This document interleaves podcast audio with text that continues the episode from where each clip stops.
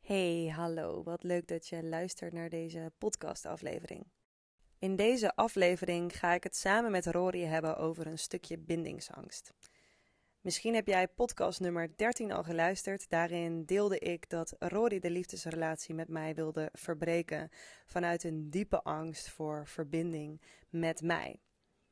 En uiteindelijk heeft hij er niet voor gekozen om volledig bij mij weg te gaan, maar hebben we samen tegen elkaar gezegd: hey, laten we onze pijn aankijken. Laten we onze diepe wond aankijken waarom Rory vooral bij mij weg wil gaan en waarom ik me juist meer en meer wil verbinden aan Rory.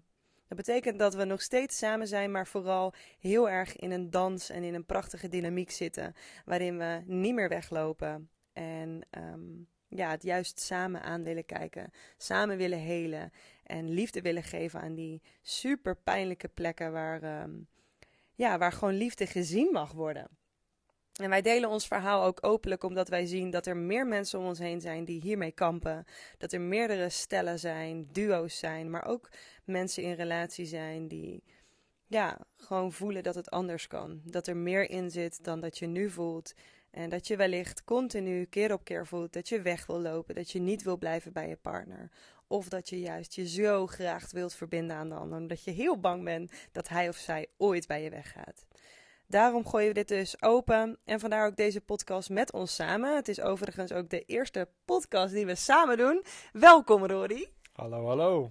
Ik vind het helemaal fantastisch dat je, er, uh, dat je erbij zit en dat we samen de vraag mogen beantwoorden van hey, hoe ontstaat nou die bindingsangst en hoe Rory heb jij deze in jouzelf opgelost of ben jij die nu aan het oplossen?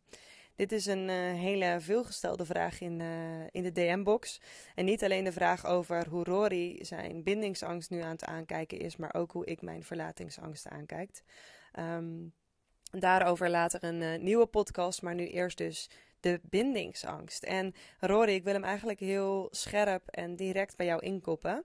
Hoe is die bindingsangst bij jou in onze dynamiek ooit ontstaan? Nou, die begon ik te herkennen toen steeds ons toekomstplaatje er steeds duidelijker uit begon te zien.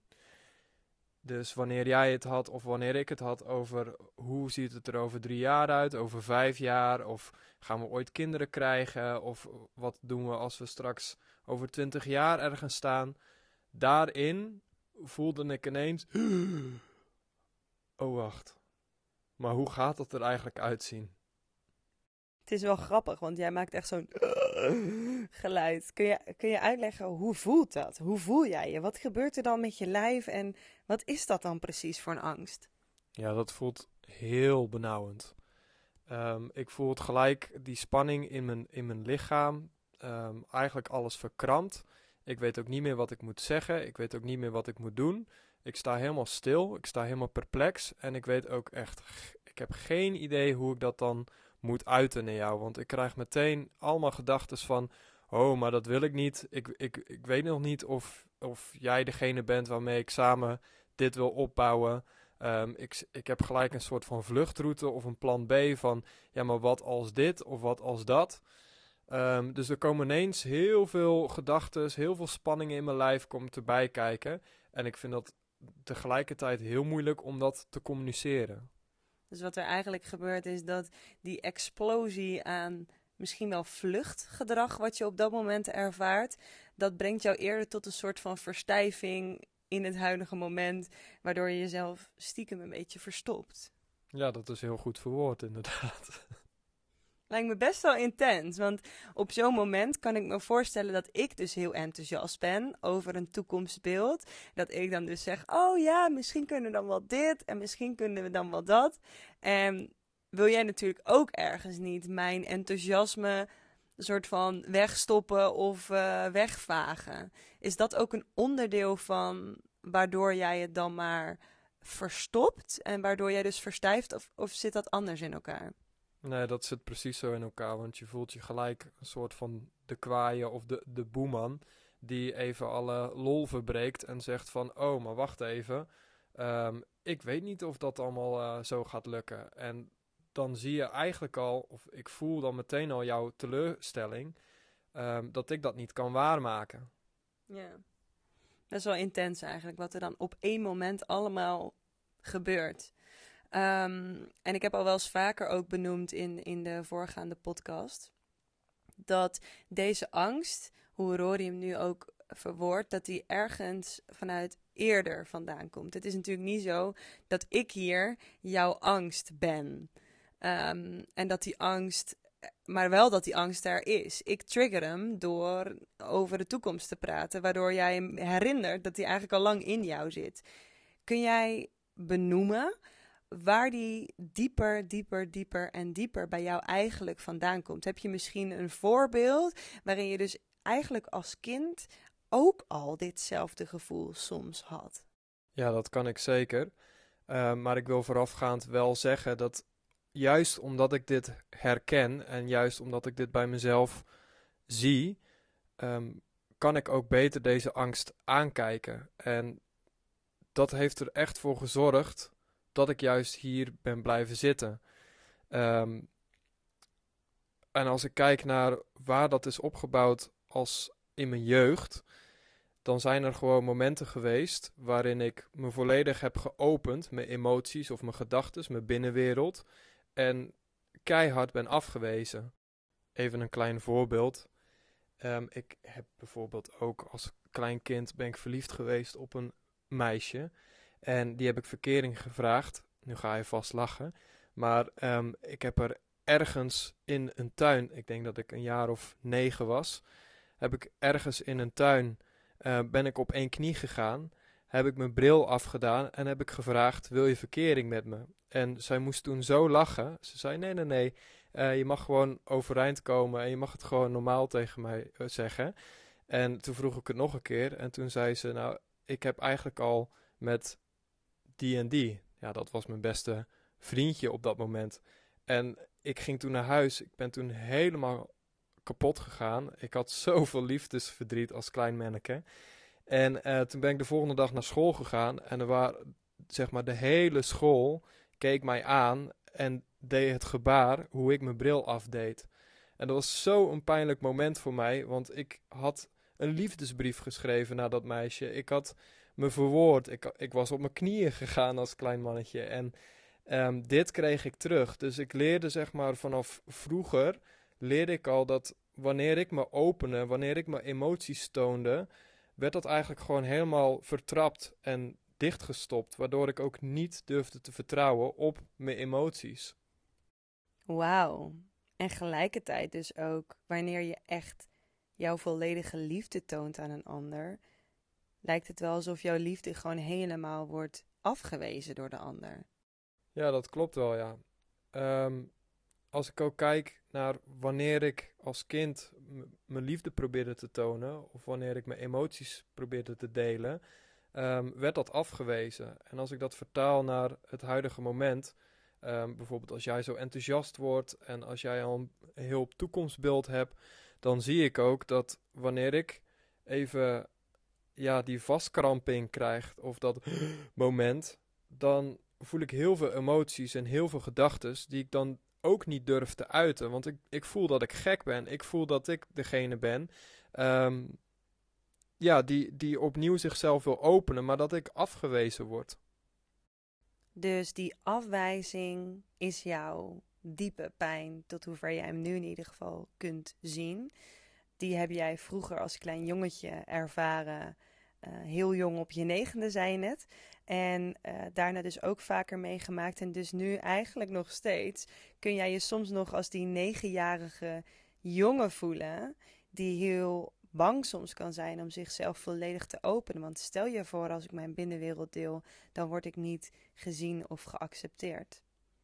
Wat heeft dat kleine jongetje nodig? Weet jij dat? Wat heb jij nodig in zo'n moment dat jij zo bevriest tegenover mij. Wat heb jij nodig om daar wel jouw binnenwereld te kunnen delen? Of is het juist nodig om dan niet je binnenwereld te delen? Ja, op nummer 1 staat vertrouwen. Vertrouwen in jezelf, maar ook vertrouwen in dat de ander naar je luistert. Um, en dat heb ik vooral gemerkt. In het begin vertrouwde ik dat niet en sloot ik het allemaal op hield ik het allemaal binnen en uh, sprak ik mezelf totaal niet uit. Dan werd het alleen maar groter en groter en groter totdat het op een gegeven moment zeg maar ontplofte of bij de ander toch wel duidelijk werd. Want jij had me het toch wel door op een gegeven moment. Dus dat kun je niet verbergen. En wat ik nu zie is als ik een moment heb waarin ik iets voel of wanneer ik iets denk, ehm, dan ben ik heel even stil, dan adem ik, dan kijk ik naar jou en soms heb je dan al gelijk door. Um, en anderzijds, dan heb ik het door en dan spreek ik me uit. Want dan zeg ik van, hey, ik merk dit of dit, um, of het voelt voor mij niet helemaal lekker. En daarna hebben we meteen een gesprek daarover. En jij laat dan heel snel ook merken van, hey, het is oké wat je voelt of wat je bemerkt. Spreek het maar uit, laat het maar zien. En ik voel dan ook veel meer vertrouwen om dat te kunnen uiten en om daar een gesprek over te voeren. Ja, ik, ik snap je helemaal. En bij mij schieten er dan ook gelijk herinneringen en momenten naar boven waarop dit gebeurde. En dat ik ook gewoon, weet je, ik zie jou ook gewoon voor me staan. Dat, dat, dat je je echt eigenlijk verstopt en wegstopt in, ja, in heel je fysieke aanwezigheid. Maar dat voel ik inderdaad ook in, in energie een stukje. En gelijkertijd dat als jij diepe vertrouwen hebt in jezelf en je veilig voelt in jezelf, dat je dan gewoon jezelf kunt openen. En soms voelt het nog steeds wel een beetje gek of zo. Dat, dat je zegt, ja, het is heel gek hoor wat ik nu voel. Of ehm, je zei het net ook al heel eventjes in de podcast van ja, misschien moeten jullie nu lachen dat ik als jongetje van negen dat deed. Dus soms zit er nog wel een stukje, nou ja, ik noem het nu heel even onzekerheid of zo over hoe een ander zou reageren. Maar ergens vind ik dat heel aantrekkelijk en siert dat heel erg aan jou. Want dat is gewoon ook een onderdeel van jou, die kwetsbaarheid.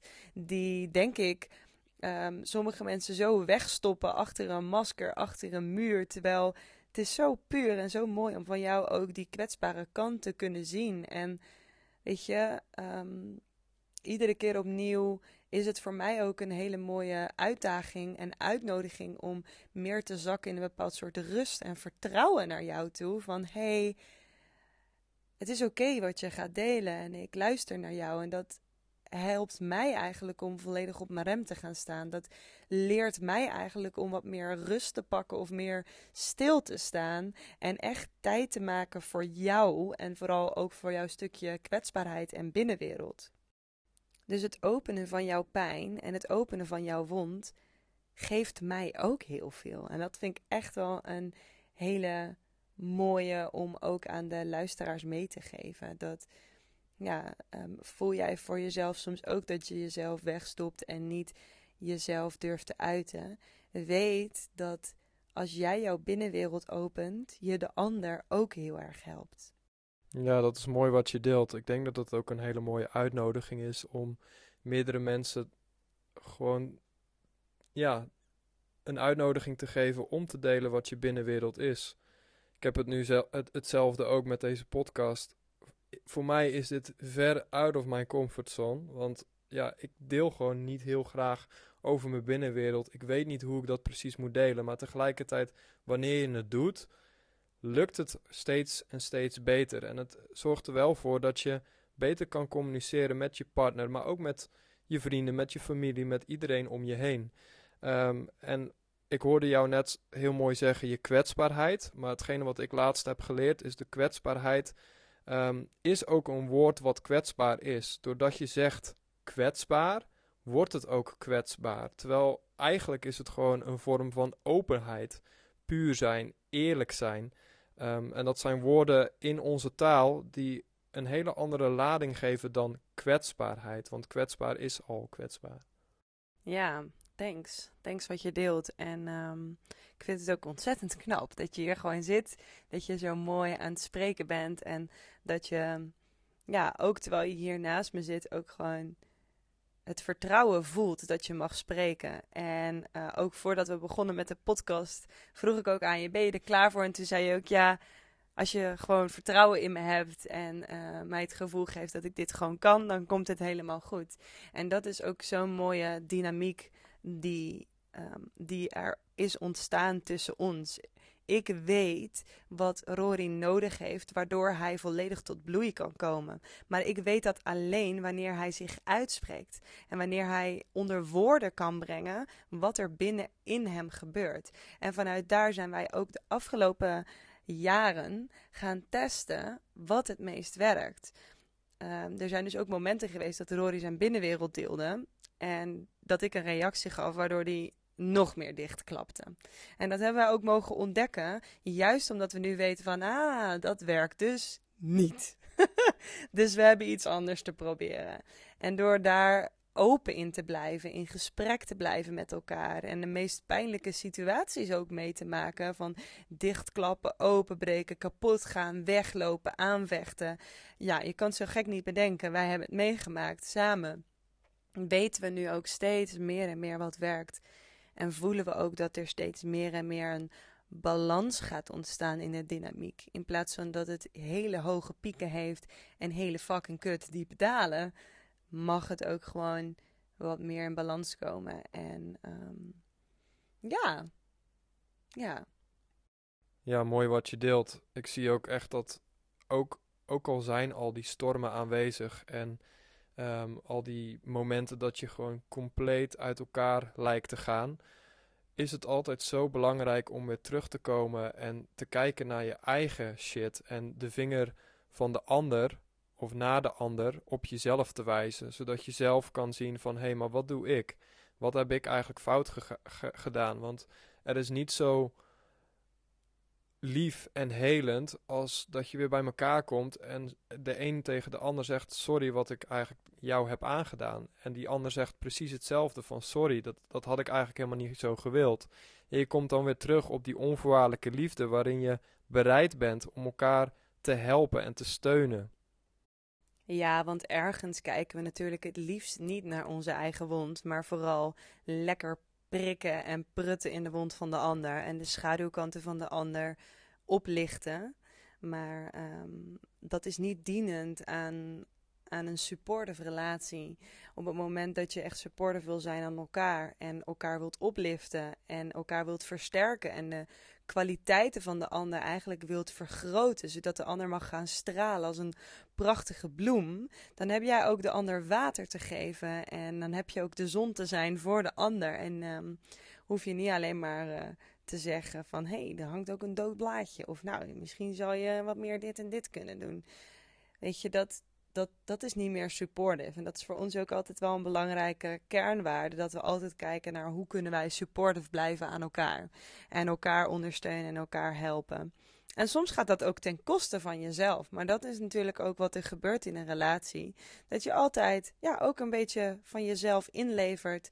Omdat je ook wat extra aandacht wilt geven aan de ander. En volgens mij is dat helemaal niet negatief. En wordt dat tegenwoordig soms ook wel negatief gezien. Omdat het natuurlijk allemaal draait om wie ben jij? Wat wil jij? Um, welke stappen wil jij zetten? Wat is belangrijk voor jou? Maar op het moment dat je samenleeft, samen woont, samen bent, um, is het ook gewoon ontzettend belangrijk om soms wat tijd in te leveren en te geven aan de ander. Ja, vind ik wel. ja, ik ook. Oké, maar heel even terugkomend op het stukje bindingsangst. De bindingsangst is bij jou eigenlijk ontstaan al vanaf jongetje klein, waarop jij afwijzing hebt ervaren op het moment dat jij jezelf openstelde en jouw binnenwereld deelde. Nu nog steeds kun je dat af en toe ervaren en daardoor heb jij een tijd geleden gevoeld: hey, ik moet bij Lotte weg. Lotte is niet de ware voor mij. Want stiekem komt zij veel te dichtbij mij. En um, ga ik liever wegrennen. Want Lotte die heeft het steeds over de toekomst. En, um, en is daar heel enthousiast over. En dat bracht jou eigenlijk meer en meer in twijfel. Wat ook in mij opkomt, is dat ook jij in die tijd zelf ook wel bezig was met toekomstplannen. Je had zelf ook wel een idee van, oh, over een paar jaar staan we hier en over een tijdje wil ik dat. En voor mij was dat best wel verwarrend, omdat ik dacht van, huh? Maar jij bent ook bezig met een toekomstplaatje. En hoe ik dat zelf eigenlijk zie, is dat jij dus heel graag ook bezig bent met de toekomst en die toekomst ook samen zou willen invullen. Maar op het moment dat het moment daar komt, wil je het misschien toch weer niet dat is een beetje hoe ik het zie. Maar ik ben heel benieuwd welke woorden jij hier aangeeft en of jij, ja, of jij hier meer over zou kunnen delen. Ja, dat klopt ook. We hadden zo één dag met, met Energy Movement over grote toekomstplannen. Dat we ook relaties willen gaan helpen. Dat we retreats gaan neerzetten. Dat stroomde. Dat, daar voelde ik een enorme bereidheid in. En de volgende dag, flup, voelde ik dat totaal niet. Dacht ik, ik wil hier weg. Ik, ik wil dit helemaal niet. Uh, dit voelt veel te spannend. Het voelt veel te groot. En daardoor switcht heel dat gevoel ineens de andere kant op. En dat is mega verwarrend. Ja, en dat snap ik zo goed. En op dat moment dat je die verwarring ervaart in jezelf, komt dus ook het moment dat je die terugvoelt. Dat je dus eigenlijk gaat bevriezen terwijl je super hard weg wil rennen. En ik kan me dat moment ook zo goed herinneren nog dat wij aan het wandelen waren in het bos. En dat ik aan heel jouw energie voelde dat jij weg wilde rennen en dat je aan het verstijven was. En dat ik ook tegen jou zei van schat, wat is er nou echt hier aan de hand? Je mag het gewoon delen en het is veilig bij mij. En dat je toen ook eigenlijk die binnenwereld uitsprak van ja, ik voel gewoon een enorme twijfel. Maar doordat jij die binnenwereld uitsprak van die enorme twijfel, dacht ik ook echt, huh? Maar gisteren was je nog zo enthousiast. En gisteren vond je het plan nog fantastisch. En gisteren vond je het nog heel mooi. Kun je uitleggen hoe dat dan zit? Dat je dus eigenlijk regelmatig twee werelden hebt. Waarop je misschien ja, niet weet van welke is nou echt zuiver. Of welke wereld moet ik dan volgen. Want het zijn een soort van twee tegenpolen bijna. Dat klopt. Uh, er is een enorme bereidheid in mij die er voor 100% voor wilt gaan. En de andere kant, die twijfelmodus, dat dacht ik eerst dat die twijfelmodus ja, er is om, omdat ik niet zeker weet of dit het juiste pad is. Maar ik ben er later achter gekomen dat die twijfelmodus gewoon mijn angst is vanuit het hechtingspatroon met mijn ouders vroeger. Um, en die richting die eigenlijk al een beetje bepaald is, Ehm, daar voel ik heel veel energie voor stromen. Elke keer als ik de commitment voel naar jou toe. En we hebben het over toekomstplannen, we hebben het over dit of dat. En ik voel die bereidheid. Ik voel in één keer alles goed stromen. Ik voel gewoon dat ik daarheen wil. Alleen de volgende dag komt mijn hoofd weer met die twijfels en die angst. En dan is het gewoon weer een puinhoop. Dus in the heat of the moment heb je het gevoel dat die twijfelmodus, dat dat de waarheid is. En dat dat is wat je moet volgen. En ehm, ga je daar dus eigenlijk ook soort van blindelings bijna achterna. Ergens omdat je vroeger als kind het gevoel dan hebt gehad van... hé, hey, niet alles wat er in mijn leven mag er zijn. Ja, ik voel dan niet dat 100% vertrouwen, wat ik ook niet van mijn buitenwereld dan kreeg. En dat ontstaat dan ook in mezelf. Dat ik niet 100% vertrouw op mijn eigen kunde of op mijn eigen emoties, op mijn eigen gedachten. Tja, wat ook echt nu opeens bij mij naar boven komt, zijn die momenten dat jij eigenlijk heel graag snel keuzes wilt maken. Dus even terugpakkend op uh, ons gesprek over de toekomst rondom Energy Movement, dat we heel duidelijk voelden dat we ons wilden focussen op relaties. Dat voelden we allebei helemaal, heel de nacht doorgecreëerd. Het was echt fantastisch. En de volgende dag zei je, nou, ik weet het niet meer zo. En eigenlijk maak je daar al de keuze van, nou, dan moet ik maar bij je weg, want ik twijfel aan de toekomst. Dus er wordt eigenlijk een keuze gemaakt op basis van die angst. En mooie gesprekken die wij samen ook hebben gehad, is dat het niet altijd nodig is om direct een keuze te maken, maar dat het ook al oké is om maandag het een te voelen en dinsdag het ander te voelen. En het dan gewoon eventjes los te laten en dan vrijdag te kijken van hé, hey, maar wat voel ik nu vrijdag eigenlijk? En wat het lastige hieraan is, is de dynamiek die Rory in dit geval heeft met mij. Dat ik streef naar zekerheid, omdat ik anders in mijn angst val. Dus het lijkt er dan bijna op dat Rory van mij niet de ruimte krijgt om het even gewoon niet te weten. En hier zit een hele, hele belangrijke stap in voor mij in dit geval om Rory dus ook echt te het vertrouwen en de ruimte en de rust te geven van weet je, je hoeft geen keuze te maken. Ehm, het is oké dat je twijfelt.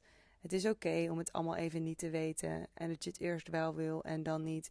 Take your time, pak je rust, pak je ruimte. En vrijdag kijken we wel weer even verder wat er dan gebeurt. Maar omdat deze dans, en het is dus ook daarom juist zo'n intense dans, ehm, het feit dat hij bij mij weg wil, triggert natuurlijk juist mijn pijn van holy fuck. Zie je wel, hij gaat bij me weg, hij vindt me niet leuk genoeg, hij wil dit niet meer. Dan ben ik straks helemaal alleen. Dus dat is het moment dat ik hem het liefst bewijs van spreken vast wil klampen. Waardoor hij niet de ruimte voelt en eigenlijk alleen maar meer weg wil. Ja, en dat is het ook echt. Als ik het gevoel heb dat ik geen keuze hoef te maken, dan kan ik gewoon alle emoties, alle gedachten kan ik ervaren zonder dat ik meteen een, een, richting hoef in te gaan. En als ik die ruimte krijg, dan wordt het voor mij veel helderder na een aantal dagen ehm, wat dan mijn richting is. En ik denk dat het zo'n belangrijk iets is om mee te geven voor degene die juist zijn, zijn vrijheid heel erg koestert, is dat je nog niet meteen een, een, een keuze hoeft te maken. Dat je gewoon even rustig kan voelen, kan ervaren wat er gebeurt als er een situatie is waar je een keuze in moet maken. Ja, dat je daar gewoon rustig de tijd voor kan pakken. Want anders kun je echt de verkeerde keuze maken. En voor mij, voor mij was dat, betekende dat gewoon dat de relatie zou stoppen. En dat ik nu misschien wel heel ergens anders was. Terwijl omdat ik nu ben blijven wachten, als het ware. En genoeg heb gevoeld, genoeg heb gedacht, genoeg heb opgeschreven. Ben ik nu hier nog steeds met jou waar ik nu ben. En het is fantastisch om niet gelijk die keuze te maken. Hmm, ja, super mooi hoe je dit deelt. En hoe je nu ook in deze podcast echt jouw binnenwereld naar buiten brengt. En ik weet ook zeker dat je mensen hiermee uh, kunt inspireren en kunt raken die misschien nu nog vastzitten in hun oude patroon, in hun oude programmering van niet willen binden met de ander uit angst. Welke angst dat dan ook is. En in jouw geval is dat dus de angst om echt afgewezen te worden door de ander wanneer je je binnenwereld toont. En voor jou als luisteraar kan dat natuurlijk een vergelijkbare angst zijn, maar wellicht herken je ook andere angsten. Ehm, en het mooie is om dat gewoon in jezelf ook op te zoeken en te ontdekken. Om de podcast af te sluiten wil ik nog even een opsomming maken van de dingen die jou heeft geholpen om, uh, om meer jezelf te kunnen openen. En in eerste instantie zei je veiligheid en vertrouwen in jezelf en ook van de ander. Ook het openhouden van de keuze is iets dat jou ontzettend heeft geholpen om meer te kunnen zakken. En tot slot wilde je net als laatste ook nog dat het heel fijn is om ruimte te krijgen. Ruimte te krijgen van de ander. Heb je nog meer concrete tips die jij mensen mee kunt geven die kampen met een stukje bindingsangst? Ja, je hebt er nog wel twee. En dat is vooral één, schrijf dingen op. Uh, schrijf vooral je gevoelens, je gedachten op, zodat je inzichtelijk krijgt wat er in jouw binnenwereld leeft. En twee is, communiceer deze. Eh, zeg je, je hoeft niet alles natuurlijk te bespreken, maar ik zou wel deze dingen ook bespreekbaar maken met je partner, zodat zij, ook, zij of hij ook weet wat er in jouw binnenwereld leeft. Wauw, mooie tips denk ik zo en uh, genoeg stof voor de luisteraar om mee aan de slag te gaan. Ik wil jou ontzettend bedanken, lieve Rory, voor jouw woorden en ja, deze allereerste podcast die je hebt opgenomen samen met mij. Het lag al wat langer op de plank om dit ooit samen te doen, maar tot heden was het nog niet echt ervan gekomen of gelukt. Ik had de ballen nog niet. Maar het mooie is ook dat, um, ja, dat we nu op zo'n punt in ons leven ook staan. Dat we echt voelen dat we nu bezig zijn met waarvoor we hier gekomen zijn. En ik merk ook dat het dan nu ook begint te stromen. Dat je dan je woorden krijgt. En uh, dat je ook gewoon weet dat wat je net hebt gedeeld gewoon hele goede shit is. Tja, ik ben ontzettend trots op jou en op, ontzettend trots op mezelf ook. Dus dat is uh, mooi en ik vind het hartstikke fijn om dit uh, te doen. Ik wil uh, jullie als luisteraars allemaal bedanken voor het luisteren. mocht je nog vragen hebben aan mij of aan Rory, stuur dan eventjes een berichtje via Instagram. Exploring a lot kun je je vragen stellen. Wij uh, merken gewoon dat de meeste content ontstaat vanuit jullie vragen en jullie behoeftes daar zijn we ook voor om, uh, om ons verhaal lekker open te breken, de taboes daarvan te doorbreken.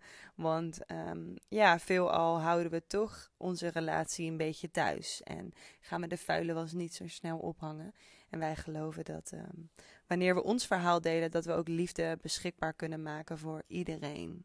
En dat de vuile was niet alleen van ons is, maar eigenlijk van iedereen. Want ja, je bent nooit alleen in de shit waarin je loopt. Nee, dat, dat laat ook eigenlijk zien aan hoeveel berichten jullie allemaal sturen ook. Um, ja, dat je echt, echt niet alleen bent hierin. En dat het helemaal niet zo gek is als je het lastig vindt om je binnenwereld te delen. Dus dankjewel. Tot de volgende podcast aflevering weer. En um, geniet van deze mooie dag.